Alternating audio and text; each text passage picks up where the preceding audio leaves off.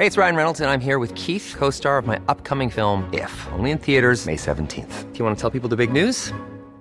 All right, I'll do. Sign up now and you'll get unlimited for $15 a month in six months of Paramount Plus Essential Plan on us. Mintmobile.com slash switch. Upfront payment of $45 equivalent to $15 per month. Unlimited over 40 gigabytes per month. Face lower speeds. Videos at 480p. Active Mint customers by 531.24 get six months of Paramount Plus Essential Plan. Auto renews after six months. Offer ends May 31st, 2024. Separate Paramount Plus registration required. Terms and conditions apply if rated PG. This is Paige, the co-host of Giggly Squad, and I want to tell you about a company that I've been loving, Olive and June. Olive and June gives you everything that you need for a salon quality manicure in one box. And if you break it down, it really comes out to $2 a manicure, which is absolutely insane. It's also so easy to get salon worthy nails at home with Olive and June. The difference between how your nails used to look when you did them yourself and now with the Manny system is a complete game changer. The best thing about Olive and June too is it's a quick dry, dries in about one minute, lasts for five days, and full coverage in up to one to two coats. Visit oliveandjune.com slash perfect Manny 20 for 20% off your first system. That's oliveandjune.com slash perfect Manny 20 for 20% off your first system. Everyone knows therapy is great for solving problems, but getting therapy has its own problems too, like finding the right therapist, fitting into their schedule, and of course, the cost. Well, BetterHelp can solve those problems. It's totally online and built around your schedule. It's surprisingly affordable too. Connect with a credentialed therapist by phone, video, or online chat, all from the comfort of your home. Visit betterhelp.com to learn more and save 10% on your first month. That's BetterHelp H E L P.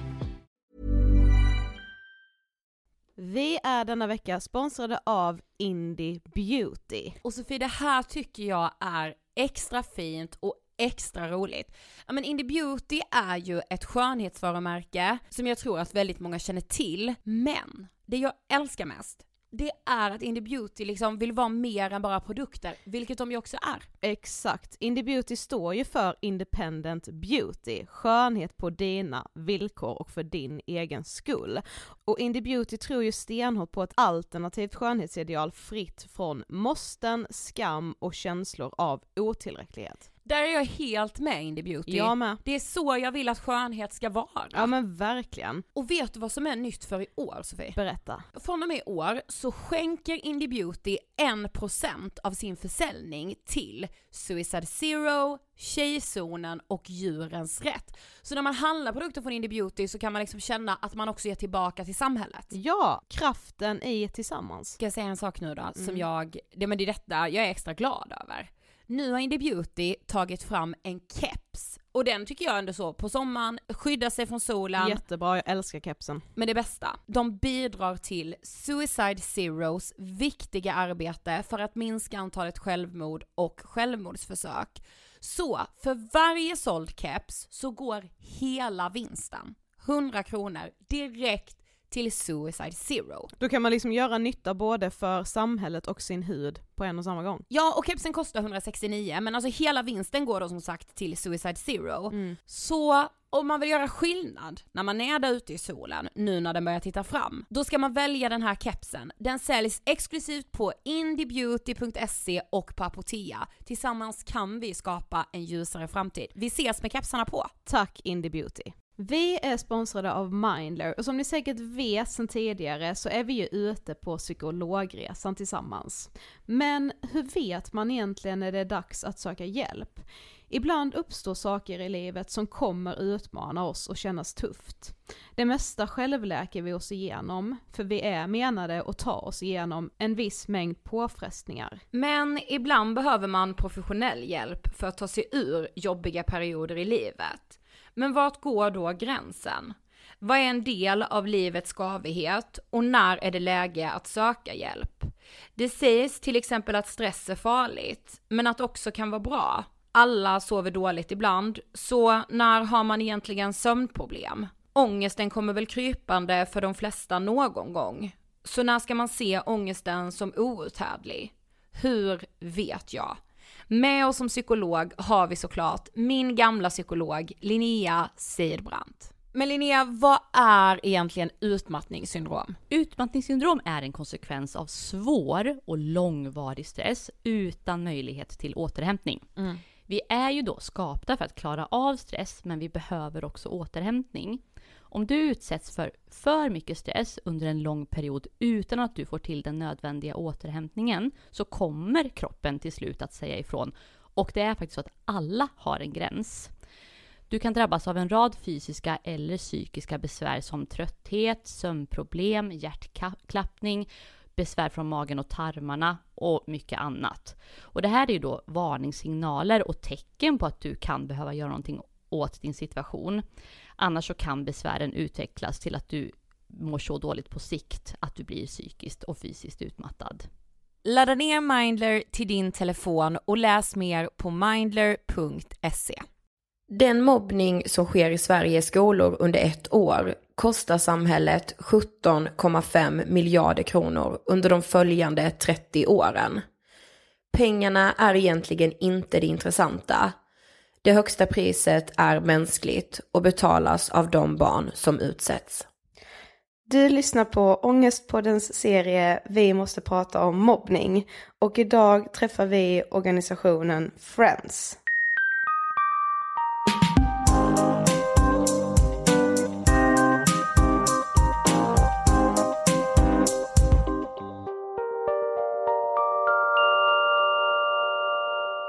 Hej allihopa och hjärtligt välkomna till avsnitt nummer 80 av Ångestpodden. Hej! Jag känner bara så här pushing 100. Ja, jag vet. Vi måste göra något när vi har 100 Ja. avsnitt, verkligen. Det måste vi. Typ livepodd eller någonting. Ja. Alltså vi sitter i ett så konstigt rum och poddar. Men vi sitter i vår gamla gymnasieskola. Det här känns helt... ja, det är bara för att vi, har, vi är liksom hemma på semester, men vi måste ju ses någonstans och podda. Precis. Och då blev det här. Vi bara, snälla vi kör Vegaskolan. Ja. Saknar det så mycket. Ja, nej men det är lite sjukt att vara här i de här lokalerna Och då. då vet du vad jag kom på när jag gick upp här? Nej. Att jag har min studentklänning på mig. Åh, ändå. ja, Gull. feeling idag. Ja, hur mår du? Du har en vecka kvar av semestern. så gör jag först för jag är jätteförkyld. Mhm. Eh, Jag som aldrig blir sjuk. Ja, Eh. Men jag har ju lyckats bli det nu på semestern. Men jag är ändå, jag känner mig inte sjuk för jag är liksom inte, jag mår inte dåligt. Jag är bara förkyld. Så här hostig och sånt. Men eh, ja, så ifall ni hör på min, att min röst är lite äcklig så ber jag om ursäkt. Annars är det bra. Men jag frågade hur det var att bara ha en vecka kvar av semestern. Du Ja. bara gjorde en utläggning om din sjukdom. Ja men det känns väl bra. Ja. Jag är taggad på hösten då. ja. Vad känner du? Men jag känner så här att jag har hela tiden pratat om, alltså hela den här våren, jag bara, ja men så här, jag mår alltid bra på sommaren och alltså bla bla bla. Så här, jag mår ju skit. Alltså den här semestern för mig är alltså en mardröm just nu. Att jag typ börjar lepa nu i podden mamma. Ja men ja. Ibland blir det inte som man har tänkt sig och eh, så det har vi pratat om någon gång innan med att man så här all förväntan hela året ligger ju på sommaren. Jag tror det är därför det blir så lätt att man typ så här blir besviken liksom för att man har så höga förväntningar, man ska göra så mycket och man ska hinna med så mycket och man måste hinna träffa så många och du vet så här, man Ja, hinner men man tänker ännu mer att man liksom inte mår dåligt så här. Precis. Jag pratade om det för några veckor sedan att jag bara usch jag är tillbaka i så här gamla minnen som jag inte har bearbetat. Och jag är verkligen där nu och det är så jäkla jobbigt men när jag kommer hem så blir det ju liksom, Hem som i Karlshamn. ja hem som i Karlshamn. Så blir det liksom som att det händer saker, alltså allting som har hänt här kommer liksom tillbaka för det är som att tiden har stått still. Så nu längtar jag bara till att åka tillbaka till Stockholm faktiskt. Men det ska vi ju snart. Jag Vårt vill inte ha hem. semester, det är det jag menar. ja. Nej men vi har en jätterolig och spännande höst framför oss så jag är helt säker på att det kommer bli hur bra som helst. Ja, jag tror det. Men eh, alltså vad roligt att ni fortsatt gillar vår serie, eller vår nya serie. Mm, det känns spännande. Ja, det gör det verkligen. Mm. Och det känns himla viktigt så här, alltså nu är det snart augusti och då går man mot skolstarten. Mm. Och då känns det så himla viktigt att alltså, man har typ det här färskt. Mm. Även sen när man kommer tillbaka från semestern för att studera, finns ju mobbning även på arbetsplatser. Ja, Alltså vet. så mycket. det är typ så här, det glömmer man nästan bort men Mm. Det pratade jag ändå lite med, så här, med min mamma och min eh, lillebror häromdagen efter, med tanke på att jag nämnde i förra avsnittet att min lillebror var lite utsatt för mobbning och så här. Ja. Eh, och mamma liksom bara, var du verkligen det liksom? För du hade ju, du, hade, du var ju aldrig ensam. Och jag och min lillebror, bara fast det var ju mobbning på högsta nivå. Mm. Du vet, vuxna människor har kanske bilden av att mobbning, då är det en person som alla går på, som aldrig är med någon, som inte har Ja, en enda precis. kompis. Så är det inte. Nej. Det är verkligen inte så. Det kan vara en person som har jättemånga vänner, men det är andra personer som mobbar. Ja men som det vi läste i början, att mobbningen kostar samhället 17,5 miljarder de närmaste 30 åren. Det kommer från Friends hemsida. Och eh, det är så jäkla sjukt. Alltså inte för att pengar spelar någon roll jämfört med de människorna som blir utsatta. Nej. Men då, man får ändå någon slags bild av hur utbrett det är. Och jag läste även någonstans här ehm, att mobbning måste utrotas. Och jag självklart har väl alla nolltolerans mot mobbning, men jag tror ju samtidigt inte att det kan utrotas helt och hållet. Men man måste ju få redskapen som gör att man eh, typ hittar problemet och vet hur man ska hantera det. För det är det som är så svårt. Men då finns ju organisationen Friends. Exakt. Och vi har träffat dem. Och det var väldigt länge sedan vi träffade dem i typ mars. Åh ja jäklar. När vi började förbereda för den här serien liksom. Det var liksom fortfarande kallt ute. Ja, det var kallt. Ja. Det var kallt var det. Eh, och ehm, ja, vi träffade dem för vi tänkte att men vi måste ju verkligen ta reda på vad de gör. De som jobbar med mobbning, alltså ytterst i samhället, det är ju Friends. Och vi träffade Carolina Engström som är generalsekreterare på Friends. Och det tyckte jag var så bra, att när vi frågade bara, hej är det någon av er som vill komma? De bara, ja det är klart att vår generalsekreterare Ja kommer. precis. Det är så här, ja men det är klart att det ska vara en högt uppsatt liksom. Ja, det var liksom verkligen så här ansvarsfullt. Mm, tycker jag med. En kort grej snabbt bara. Eh, för det första var det väldigt länge sedan vi spelade in det här. Eh, då vi fortfarande satt i vårt lilla poddrum på vårt kontor. Eh, och under den här inspelningen så hade vi med oss då generalsekreteraren, eh, även en person till ifrån organisationen Friends samt en journalist som gjorde ett reportage till en av Finlands största dagstidningar. Så vi var väldigt många i ett väldigt litet rum. Så om ni tycker att ljudet är lite så här skakigt typ och eh, ja, Att det hörs mycket, Precis. så är det därför. så vi ber om ursäkt redan nu så ni vet om det. Exakt. Och ni behöver inte skriva arga mejl. Nej, Vi vet. ja, vi vet. Och kommande avsnitt blir inte så. Nej, Okej hörni. Då rullar vi intervjun med Carolina från Friends. varsågoda. Hej Carolina och välkommen till Ångestpodden. Hej, tack. Eh, vi börjar som vanligt. Vem är du?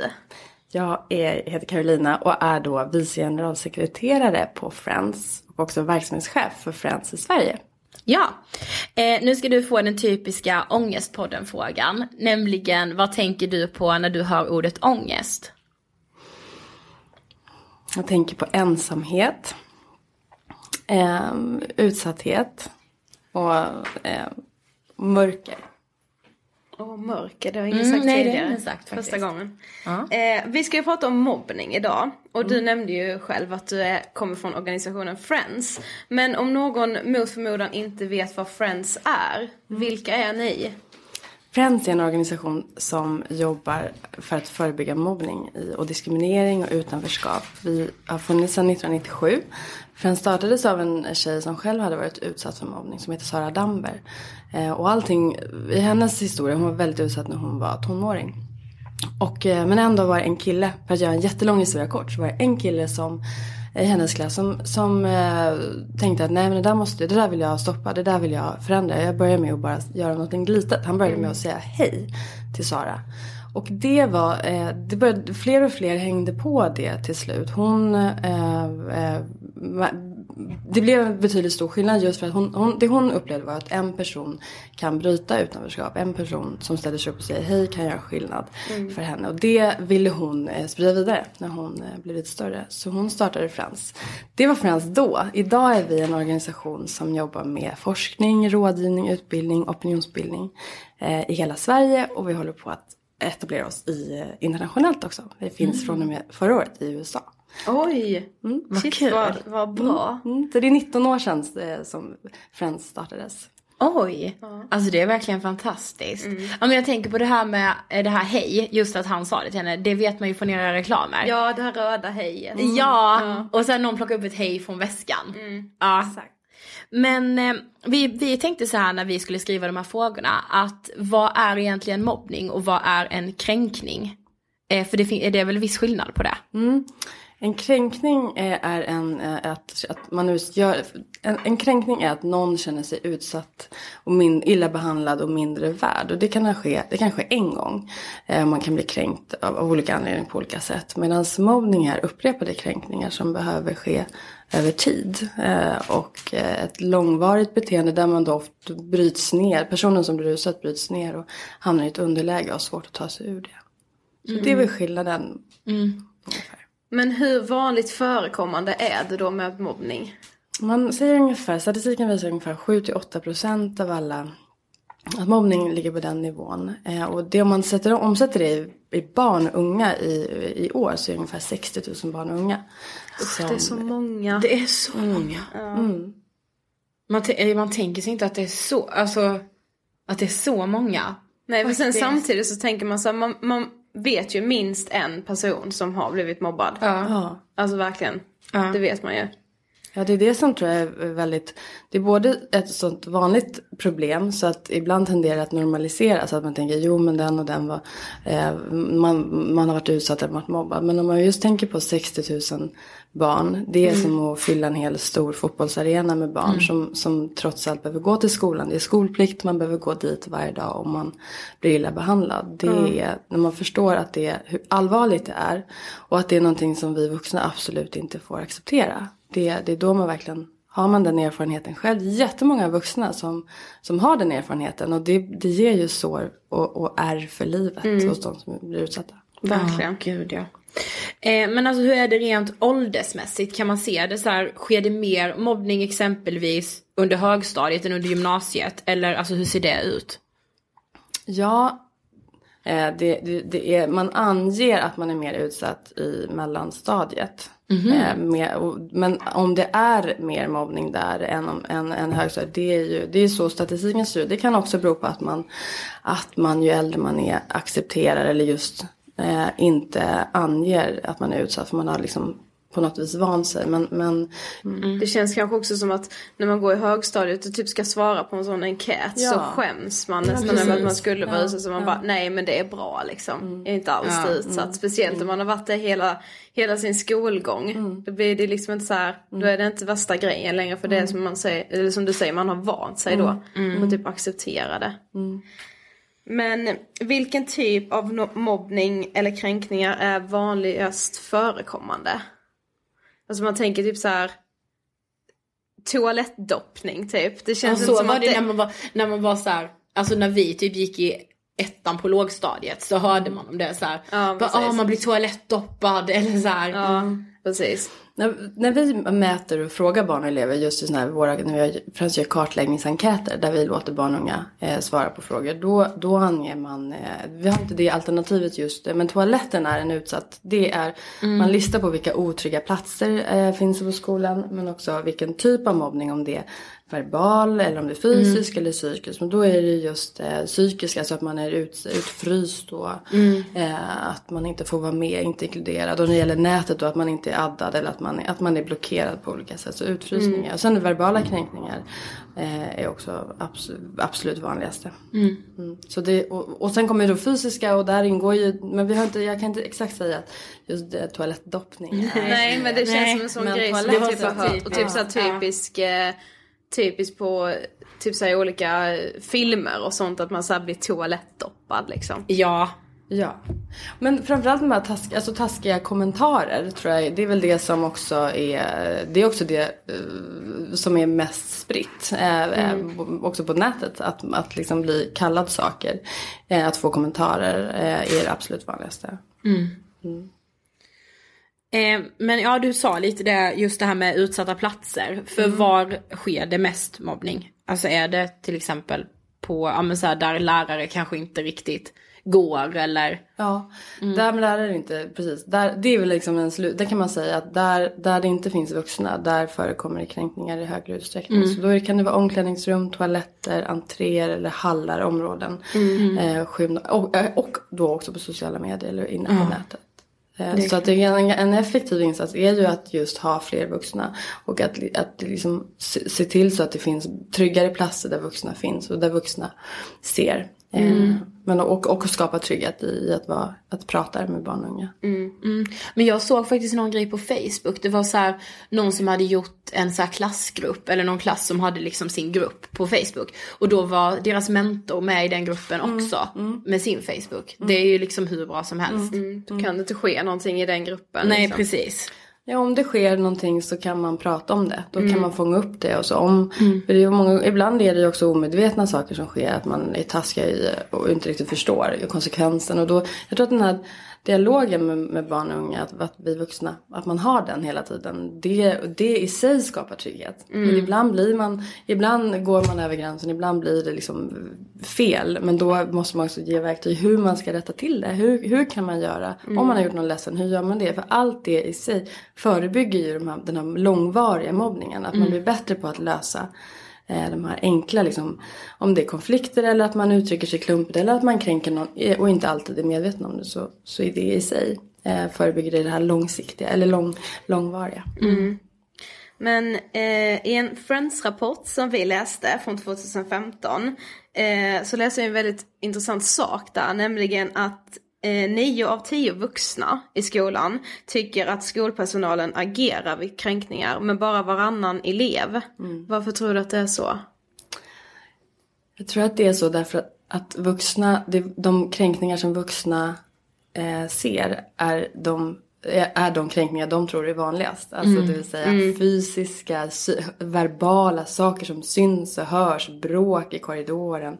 Eh, men allt det här subtila, det psykiska, utfrysningar, att någon, alltså det, vi vet ju alla som har gått i skolan hur någon, eller också hur, man, hur lätt man kan vara, dissa någon. Hur lätt man Mm. kan bara med en blick sänka en annan person. Det är så enkelt och det uppfattar ju, gör man också det när lärarna inte är där, då, är det, då ser ju inte lärarna det. Och då kan man som vuxen kanske, om man inte har kunskap om de här frågorna så kan man ju tro att det inte ser, fin, se, ser de glada ut så, så är det bra i den här Mm. gruppen. Mm. Eller? Så att, därför tror man att man reagerar hela tiden och att man alltid säger till. Men man gör det Eh, vilket såklart också är bra, men att man gör det när man ser det. Men man Ja. behöver också ha ett större arbete bakom. Ja, för jag, tänk, jag kom på, alltså så här, hur, hur mycket ansvar tycker ni att man har som lärare? Alltså säg att det är en tjej i en klass som man, man uppfattar att, kanske att hon är lite utfryst och man kanske misstänker att hon blir utsatt på internet just. Alltså hur stort ansvar har läraren där? För det är ganska svårt att bestämma vad eleverna ska göra på sin fritid typ. Alltså Mm. den värsta mobbningen kanske sker under helgen. Och liksom hur ska, man, hur ska man göra som lärare då om man misstänker att det händer men man kan liksom inte göra så mycket för det händer ju inte i klassrummet eller på skolan liksom. Mm. Det man ska göra är att, att, att utreda. Man har, det finns en nolltolerans, nolltolerans i skollagen. Så att en, alla vuxna som jobbar i skolan och det gäller inte bara lärare utan alla som är anställda och har skolan som arbetsplats måste, eh, måste utreda. Det finns en, en, en handlingsplikt som är vid misstanke. Om just att man misstänker att någon Mm. mår dåligt, att någon är utsatt så måste man utreda. Och, och, och, och, och höra sig för, eh, ställa frågor. Man måste, allt det här jobbet man gör måste man dokumentera. Eh, man kan ju ta hjälp om, om, man, eh, man kan ta hjälp om man har en kurator, en elevhälsoteam. Det kan ju vara olika. Det kan vara fritidsledare, det kan vara andra personer som har koll, som möter det här barnet. Och som lärare, som, om, om det är en högstadieelev så möter den kanske tio lärare varje dag. Mm. Plus fritidspedagogen, plus någon annan.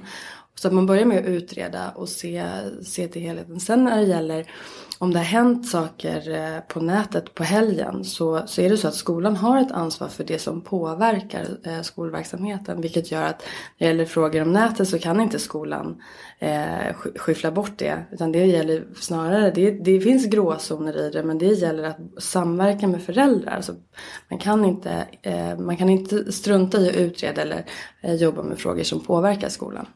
Eh, sen vet vi också erfarenhetsmässigt eh, att eh, det är ytterst sällan någon bara är utsatt på nätet och inte Mm. på skolan. Utan det är eh, snarare eh, alltid ett samband. Ja. Att eh, blir man utsatt där så blir man också utsatt i skolan. Och, man, och blir man utsatt så att man också mår väldigt psykiskt dåligt så påverkar det också skolan. Men väldigt ofta så är det, blir man kränkt av personer som känner till en. Som oftast går i kanske samma skola eller eh, som är i samma område. Så att det finns, skolan har ett stort eh, ansvar. De kanske har mer ansvar än vad man tror. För det Ja. kanske bara är vi som har dåliga erfarenheter. Men det känns liksom som att eh, kanske både lärare och SAF-rektorer och sånt lite skjuter det problemet åt, Alltså de väljer att inte kolla, de blundar för det problemet. För att Ja de det kanske- känns lite som att det är lätt för dem att använda sig. Jo men jag har ingenting att göra med vad som händer på deras fritid. Ja precis, det liksom. känns verkligen som att en, både en lärare och en rektor skulle kunna skylla på att men vi kan inte ha koll på vad som händer på internet. Eh, ja, det är Nej, ja, bara vi men alltså Ja, det men känns verkligen Det så. möter vi, nej det är inte bara ni. Det, Nej. det är jättemånga både barn och unga i skolan som möter det men också Friends och Friends utbildare som möter det. det. Jag tror det är därför det är viktigt just att öka kunskapen om att man, för det är ju svårt. Jag har full respekt för, för att lärare tycker det är svårt. Mm. Hur ska jag, en lärare har har ofta ofantligt mycket på sitt bord. Eh, hur ska jag klara av att också ha koll på Facebook? Hur, hur, det är Ja, helt precis. orimligt. Ja, jag kan förstå precis. den Ja. känslan. Ja. Samtidigt som eh, skolan har det ansvaret. Så att där ska ju inte den enskilda läraren känna att man har allt ansvar. Utan det är ju, det är ju faktiskt kommunen egentligen som äger skolan. Eller friskolestyrelsen som äger den. Som faktiskt har det ansvaret. För det är så skollagen är. Den, Mm. den har skärpt. Så att det är så där, det kanske har förändrats under några år. Mm. Men, men det, är, det är en vanlig föreställning att nej det där är inte mitt bord. Det är någon annans. Ja, exakt. Men det är ju väldigt bra att det verkligen är så att så här, jo men påverkar det skolan så är det skolans ansvar. Ja. Det tycker jag är enligt verkligen. lag. Ja precis. Men också att föräldrar behöver ta ett jätteansvar. För att jag tror inte skolan klarar med de begränsade resurser skolan har. Hur bra de, man än jobbar i skolan så föräldrar är ju jätteviktiga här. Absolut. Eh, men jo du nämnde det också att ni håller ju Ryan Reynolds here from Mint Mobile. With the price of just about everything going up during inflation, we thought we'd bring our prices down. So to help us, we brought in a reverse auctioneer, which is apparently a thing. Mint Mobile unlimited premium wireless. Ready to get 30, 30, bit to get 30, bit to get 20, 20, 20, bit to get 20, 20, bit to get 15, 15, 15, 15 just 15 bucks a month. So, Give it a try at mintmobile.com slash switch. $45 upfront for three months plus taxes and fees. Promo rate for new customers for limited time. Unlimited more than 40 gigabytes per month. Slows. Full terms at mintmobile.com. Quality sleep is essential. That's why the Sleep Number Smart Bed is designed for your ever evolving sleep needs. Need a bed that's firmer or softer on either side? Helps you sleep at a comfortable temperature? Sleep Number Smart Beds let you individualize your comfort so you sleep better together. JD Power ranks Sleep Number number 1 in customer satisfaction with mattresses purchased in-store. And now, save 50% on the Sleep Number limited edition Smart Bed for a limited time. For JD Power 2023 award information, visit jdpower.com/awards. Only at a Sleep Number store or sleepnumber.com. A lot can happen in the next three years. Like a chatbot may be your new best friend. But what won't change? Needing health insurance. United Healthcare Tri Term Medical Plans are available for these changing times. Underwritten by Golden Rule Insurance Company, they offer budget friendly, flexible coverage for people who are in between jobs or missed open enrollment. The plans last nearly three years in some states, with access to a nationwide network of doctors and hospitals. So, for whatever tomorrow brings, United Healthcare Tri Term Medical Plans may be for you. Learn more at uh1.com. utbildningar för skolor på Mm. Friends. Eh, hur ser de utbildningarna ut? Vi har ungefär ett 30-tal olika Oj! utbildningar. Ja. Men vi- den liksom, det mest omfattande utbildningsprogrammet heter Friends-programmet som är ett treårigt eh, utbildningsprogram som är där man kan säga att det, vi, vi har liksom, eh, när vi utvecklade det programmet så gjorde vi så att vi tittade på all lagstiftning som finns och så tittade vi på, på den forskning som då fanns och som nu fanns, finns om effektiva metoder. Hur gör man det här bäst? Och så nu har vi liksom fördelat ut den kunskapen på tre år kan man säga. Så för att bli riktigt bra på de här frågorna, för att få en sån, så, så behöver man jobba, eh, ha, så har vi delat upp det i tre år. Just för Mm. att också skolan ska mäkta med och, och jobba med det. Mm. Eh, men det vi gör varje år är att vi, vi gör en kartläggning, vi, vi frågar barn och elever och eh, de, skolans personal om trygghet och trivsel, om delaktighet, eh, får man, hur mycket man får vara med i det förebyggande arbetet och jobba med likabehandlingsfrågor. Och sen eh, otrygga platser. Just det vi pratade om Aha. inledningsvis. Alltså Mm. var är man trygg och vem är man otrygg. Eh, och det får både barn och vuxna svara på. Eh, det är det sammantaget som blir Friends-rapporten varje år. Det är Mhm. de kartläggningarna som vi har gjort på massa skolor i hela Sverige. Um, så att det börjar vi med när vi går in i skola och sen så utbildar vi, sen träffar vi alla elever, eller vi träffar en grupp elever eh, där vi visar resultaten. Träffar skolledningen och tillsammans så får skolledningen och elever göra en analys av läget som, vi, eh, som blir då, som är den skolans egna liksom, så här ser det ut på vår skola. Och sen så börjar vi utbilda alla, all personal, alla lärare, mentorer, klasslärare. Man kan också utbilda föräldrar om man Mm. vill, det, det är valbart. Och, och det är det Friends gör. Sen finns vi med som ett stöd, vi ger råd och, och, och verktyg under vägen. Men sen börjar det stora arbetet. Det som faktiskt minskar mobbning är ju att lärare och skolpersonal varje dag resten av året jobbar aktivt med det här. Mm. Och de, de, det vi jobbar, det vi liksom hjälper dem med det är just att kartlägga, att förstå hur, vad är, vad är problemet, var, vad har vi för utmaningar, vad har vi för styrkor på den här skolan och sen lägga en plan för hur de ska jobba med det. Så att alla, att man jobbar med både diskrimineringsfrågor och med, med mobbning, utanförskap, utanförskap eh, andra kränkningar. Att man jobb, lägger en plan och så börjar man jobba. Så, Mm. Och gör man det, jobbar man med det här under ett år, när vi mäter igen, så kan vi se att man minskar mobbning med ungefär 24 procent Mm. snitt. Ja. Eh, men då återigen vill jag verkligen säga att då är det ju för att skolan själv har verkligen använt den kunskapen och jobbat Mm. aktivt varje dag. För det är inget som sker av sig självt. Man måste verkligen Nej det jobba. gör det inte. Det känns verkligen som ett problem som är så himla svårt att nå. Ja, Verkligen. gud, ja. Men vi såg även att ni håller utbildningar redan på dagis. Och först när vi såg det vi bara, oj inte det är jäkligt tidigt. Ja. För vi läste, det var bara, så här se- jag tror det var denna veckan eller förra veckan. Så såg jag ett eh, Facebook-inlägg ifrån en pappa vars son hade blivit eh, nedknuffad på dagis. Han var tre år tror jag och de här pojkarna som hade gått på honom var kanske typ fyra, fem år. Och de hade hållit fast honom i marken, hållit för hans mun och sparkat på honom och avslutat med att banka en sten i hans huvud. Eh, och han, alltså barnet mådde ju jättedåligt men han fick liksom inga inre blödningar eller så utan han var ju mest skärrad och han kunde inte äta liksom, han mådde jättedåligt. Eh, men då tänkte jag så här, så de barnen som utsatte honom, alltså är de medvetna om vad det är de gör? Alltså förstår de att det liksom är typ, ja men mobbning och misshandel? Eller är, alltså när, när förstår man att man utsätter någon för mobbning? Ja, En jättesvår fråga. Ja. Eh, Det tror jag nästan man behöver vara psykolog för att svara på. Hur, det tror jag också kan vara olika beroende Mm. på hur man mår som barn. eh, Mm. Om man är medveten eller inte om. I den åldern, jag har själv ha, tämligen små barn, eh, 6 och 9 och, och jag tror inte alltid konse- tank, konsekvensen, alltså man har inte det tänket. Nej. Men sen är det ju såklart olika. Eh, men men, eh, Men- det där låter som ett, det är ett fruktansvärt eh, övergrepp. Och det, mobbning är när det sker flera gånger. Det där låter som en, som en, eh, en väldigt allvarlig kränkning och ett övergrepp Mm. på den här pojken. Ja, jag tror att dagiset är- hade verkligen tagit tag i det. Så här, men, men hur ser de utbildningarna ut som ni gör på dagis? Det vi gör i förskolan är att vi utbildar inte barn utan vi utbildar just för det. Vi har, eh, vi har kartläggningar även där. Eh, som, eh, där vi för, för personalen. Och för, men där, där vi eh, eh, jobbar med att ge personalen verktyg att eh, prata och förebygga bland barn och unga. Sen har vi också utbildningar för föräldrar. Men man riktar in sig på vad vi, vad vi vill göra med... För, förskolans personal har ju samma, det är samma skollag. Det är exakt samma, Mm. allt det här med handlingsplikt, utredningsplikt, allt det, nolltolerans. Det, det, gäller ju förskolan med. Mm. Men väldigt ofta så saknar man ju just eh, Eh, verktygen. Hur gör jag det här? Hur, hur, på vilket, hur ska jag strukturera upp det? Hur får vi det här att genomsyra verksamheten och så. så att dels handlar våra utbildningar om det. Eh, att analysera hur det ser ut och vad och sen eh, hjälpa dem att lägga plan för hur de kan jobba i vardagen. Men sen har vi också nu ett, ett arbete sen i höstas, ett samarbete med Alfons Åberg. Där vi har tagit Mm. fram ett pedagogiskt material som heter Alfons vä- vänskapslåda. Som Mm. just är det här som handlar om att, att tillsammans med Alfons liksom, som figur prata om hur är man en bra kompis. För det, och hur gör man när man blir ledsen? Om, hur gör man när någon...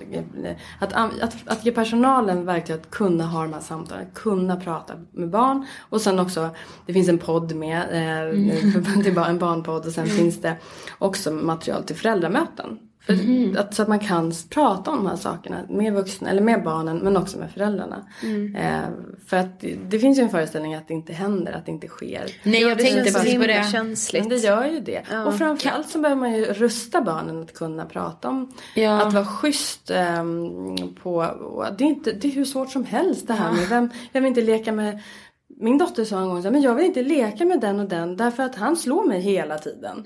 Och det, Ja. och det, så det, väl, det kan ju vara ganska hands-on eh, Ja, konflikt. Det är klart, jag vill inte heller, skulle inte heller vilja leka med någon som slog mig hela tiden. Det är inte rimligt. Och hur gör man då? Hon, hon Ja, tyckte ändå inte att han var så dum, han var bara lite jobbig. Som liksom. så hur gör man? Det, det, att ha, få mer verktyg. Det Ja, för man vi. tänker ju nästan ens så bara kan det ens förekomma mobbning på liksom förskolan? Men sen nu när vi pratar om det så här, jo såklart. Ja. Så här, jag vill inte leka med den eller jag vill inte vara med henne. Och att aldrig bli vald. Exakt. Eh, att aldrig få vara med i leken, att alltid bli utesluten. Och, och det, för det, det, oavsett om man är två, tre, fem år eller om man är 15. Att, att aldrig att bli ut, liksom, bortvald, ignorerad, exkluderad och att vuxenvärlden inte säger till. Mm. Det är det värsta. Det är alltså att, att man, för till slut så börjar man själv bekräfta det. Nej men det, jag kanske inte ska vara med. Det, på, det bryter ner ens självkänsla. Mm. Om vuxenvärlden är med och säger att nej stopp, det här är inte okej. Nu behöver Carolina vara med här i leken. Eller, eller nu ska vi, om, om vuxenvärlden hela tiden, pedagogerna och lärarna och föräldrarna hjälper gruppen att inkludera.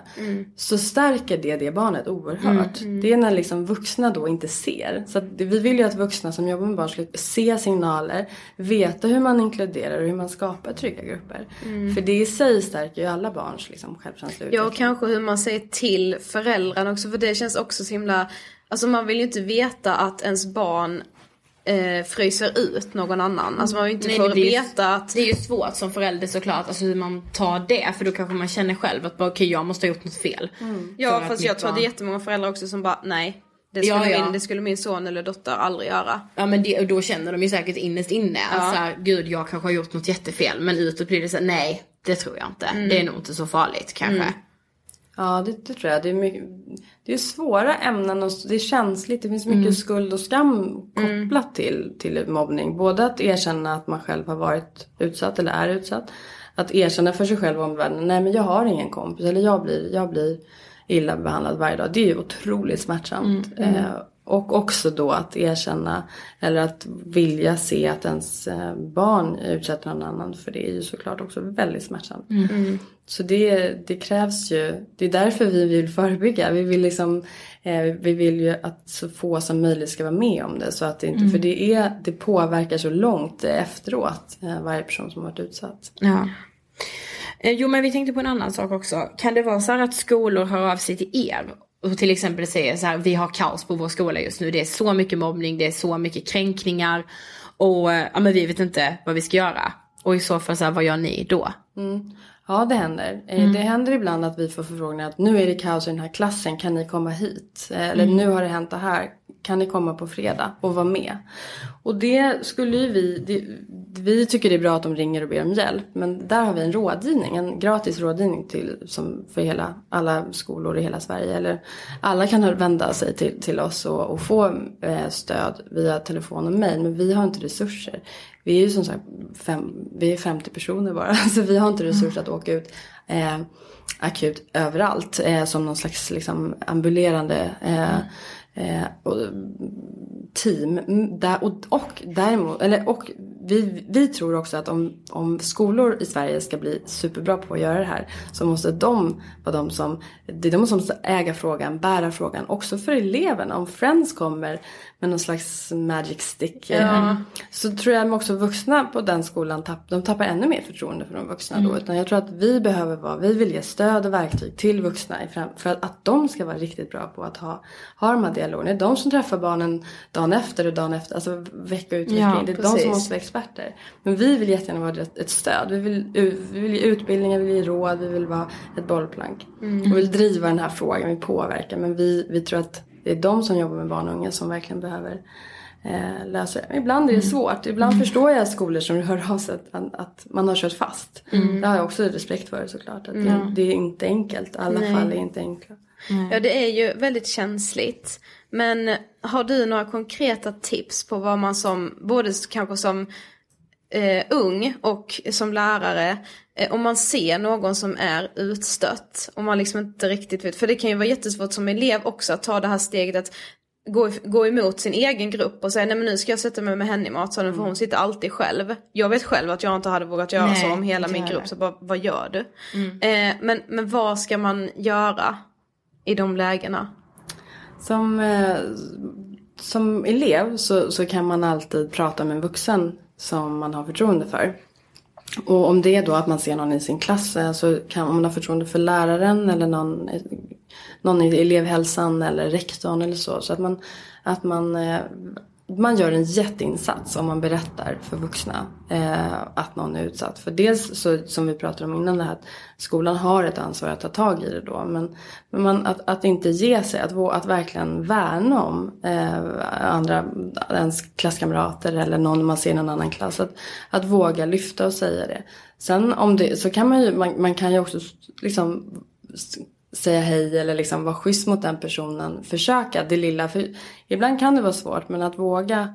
Jag tror att alla de här, det är så väldigt få som, som är taskiga. Om man tänker på en skola. Det är väldigt Mm. få som, som faktiskt mobbar, som är Mm. taskiga mot andra. Det är en enorm potential, det är en sån sta- stor grupp som faktiskt är jättebra kompisar.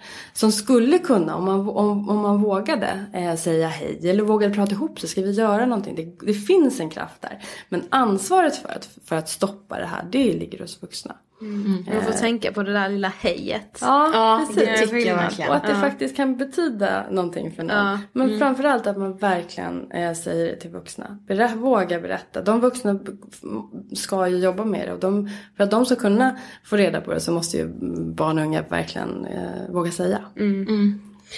Eh, alltså vi tänkte med tanke på sociala medier så känns det som att alltså, mobbningen ökat senaste åren. Stämmer det eller hur ser det ut statistiskt? Nej, det, det ligger på en eh, ungefär eh, jämn nivå. Mm. Ehm, så det har inte, inte vad vi kan se. Mm. Men det känns ju som att med tanke på sociala medier så stannar inte mobbarna i skolan utan de kan ju följa med hem på helgerna, Mm. eller på kvällarna, på helgerna, på sommarloven, eh, hela tiden egentligen. Mm. Men jobbar ni i Friends någonting med så sociala medier? Vi jobbar, vi finns inte än, än så länge online. Alltså, Mm. vi, vi, fin, vi, vi finns ju, vi driver ju frågan i sociala medier. Vi är aktiva, vi har många följare och vi delar och liksom, vi, vi använder sociala medier. Men vi, ehm, vi är fortfarande tämligen analoga, alltså att vi pratar om nätet fast i, eh, i klassrum Ja. och Mm. på, i föreläsningssalar. Eh, däremot så är det en av våra absolut största eh, utvecklingsområden och det, är vi, där vi det händer massa spännande saker just nu eh, Mm. på Friends där vi Mm. håller på att utveckla oss. Men det är Mm. så, vi behöver digitalisera oss också precis som hela, hela samhället. Mm. Men eh, det vi, det vi eh, gör är ju att vi vill driva frågan, alltså prata om frågan. Det har vi gjort. Vi, vi, jag, jag- skrev en bok 2008 som heter Schysst på nätet. Som, där vi, en, en pedagogisk handbok om e-mobbning. jag är ju inte liksom, för även mina, mina barn tror att jag är född på 1800-talet. Så är jag inte. Men e-mobbning, det är 2008.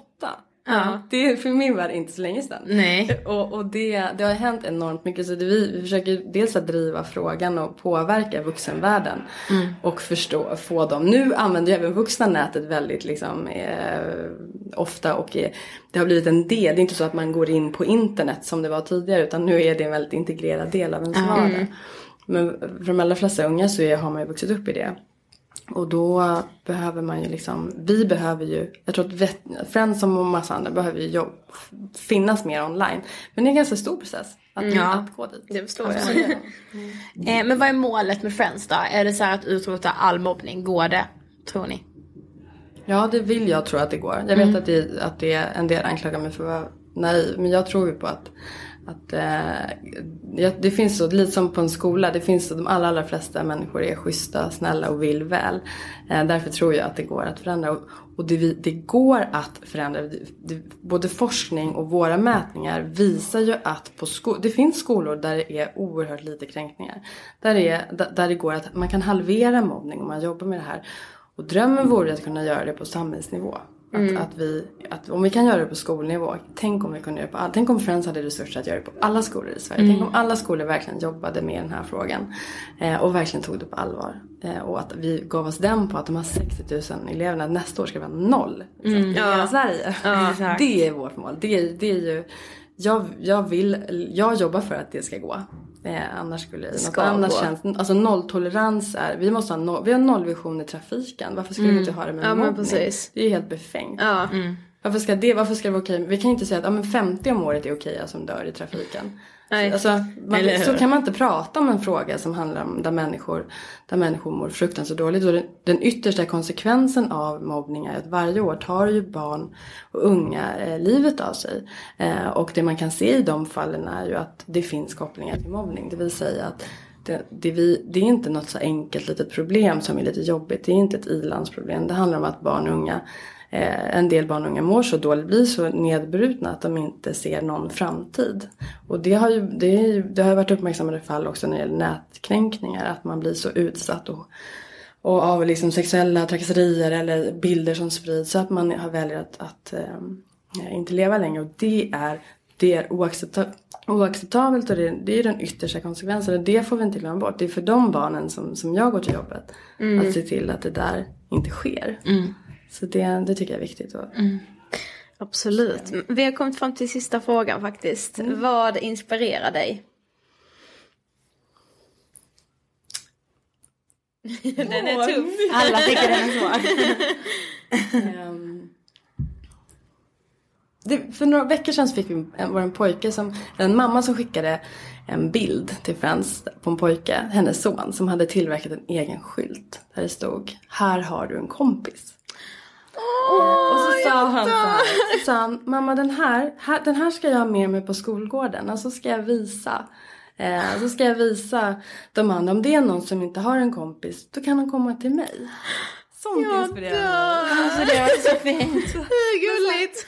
Ja, man bara smälter. Det är alltså barn och unga som, som har så här sköna lösningar. Vi, vi håller på med forskning. Vi, vi har massa lagar och vi liksom forskar och fixar och mäter och räknar. Och så Men här har du en där. kompis. Här har du en kompis. Ah, en liten skylt liksom. Åh. Alla vill ha en kompis. Ja. Exakt. Fint. Så fint avslut på den här intervjun. Ja. Tack så jättemycket för att ni ville komma och gästa Ångestpodden. Tack för att vi komma. Jag känner mig typ lite stolt för att så här Friends har varit med hos oss. Ja, jag känner med det. Alltså Mm. det, är som man bara, det är liksom ändå en väldigt stor organisation och liksom så här, många vet ju att Friends finns och Ja. vad Friends är liksom. Och det känns som att man kan liksom inte göra en serie om mobbning utan att ha med Friends. Nej. Så kände jag. Precis, de är ju liksom ändå överhuvudet på något sätt. Ja, precis. Och eh, jag, tyckte de gör, jag tycker verkligen de gör ett jättefint arbete. Ja, jag med. Fantastiska. Ja men verkligen. Och som vi har sagt, men bara det behövs ju liksom ett redskap som gör att man lär sig hur man ska hantera mobbningen. Mm. Det är ju det som är så jäkla viktigt, för det är ju det som är så svårt. Alltså alla skolor måste ju ta hjälp av Friends. Ja. Hur kan man inte göra det som Nej. skola? Det är helt sjukt ju. Ja, och då alla skolor måste ju ha så här kamratstödjare liksom som är med i Friends typ. Alltså det borde ju finnas någon motsvarighet till Friends för vuxna. Mm, det tycker jag också. Som heter typ arbetskollegan. nej, men, nej men alltså du vet, fattar du vad jag menar? Kolle- Nej men bara Friends är barn, kollegan. Ja, är det, ja kollegan. precis. ja, jag Där myntade du något Ida. Ja. Du får ta patent på detta. Det får jag. Ja, tack så jättemycket för att ni har lyssnat på andra delen av vår poddserie Vi måste prata om mobbning. Nästa vecka ska vi prata om näthat Mm. med en person som har fått utstå väldigt, väldigt mycket näthat. Mm. Han sa själv att han inte hade fått utstå så mycket men jag läste senast en artikel idag som jag tyckte var Mm. Och det är så här, ja fast jo. Det Det, det, det, han har varit utsatt för är liksom inte okej och det säger vi också i nästa veckas avsnitt. Det ska ni banne mig få en, höra. Det är en skribent på eh, Expressen som var lite hett om öronen men det tycker jag han förtjänar. Det tycker verkligen jag också. Så vi hoppas att ni är med oss även nästa vecka och att ni liksom så här som ni så fint gör även vågar prata om mobbning. Mm. Underbart. Ha det bäst. Så hörs vi nästa vecka. Hej då! Hej då!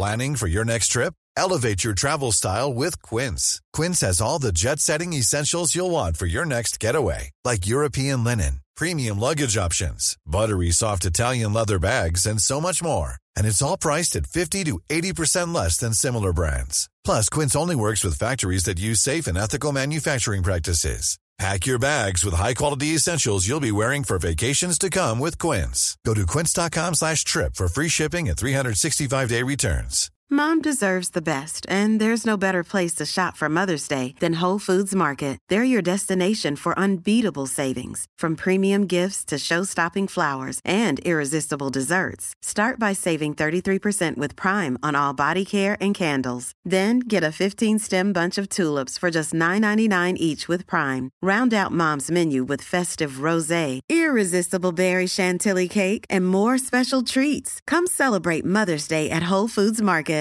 Hey, it's Paige DeSorbo from Giggly Squad. High quality fashion without the price tag. Say hello to Quince.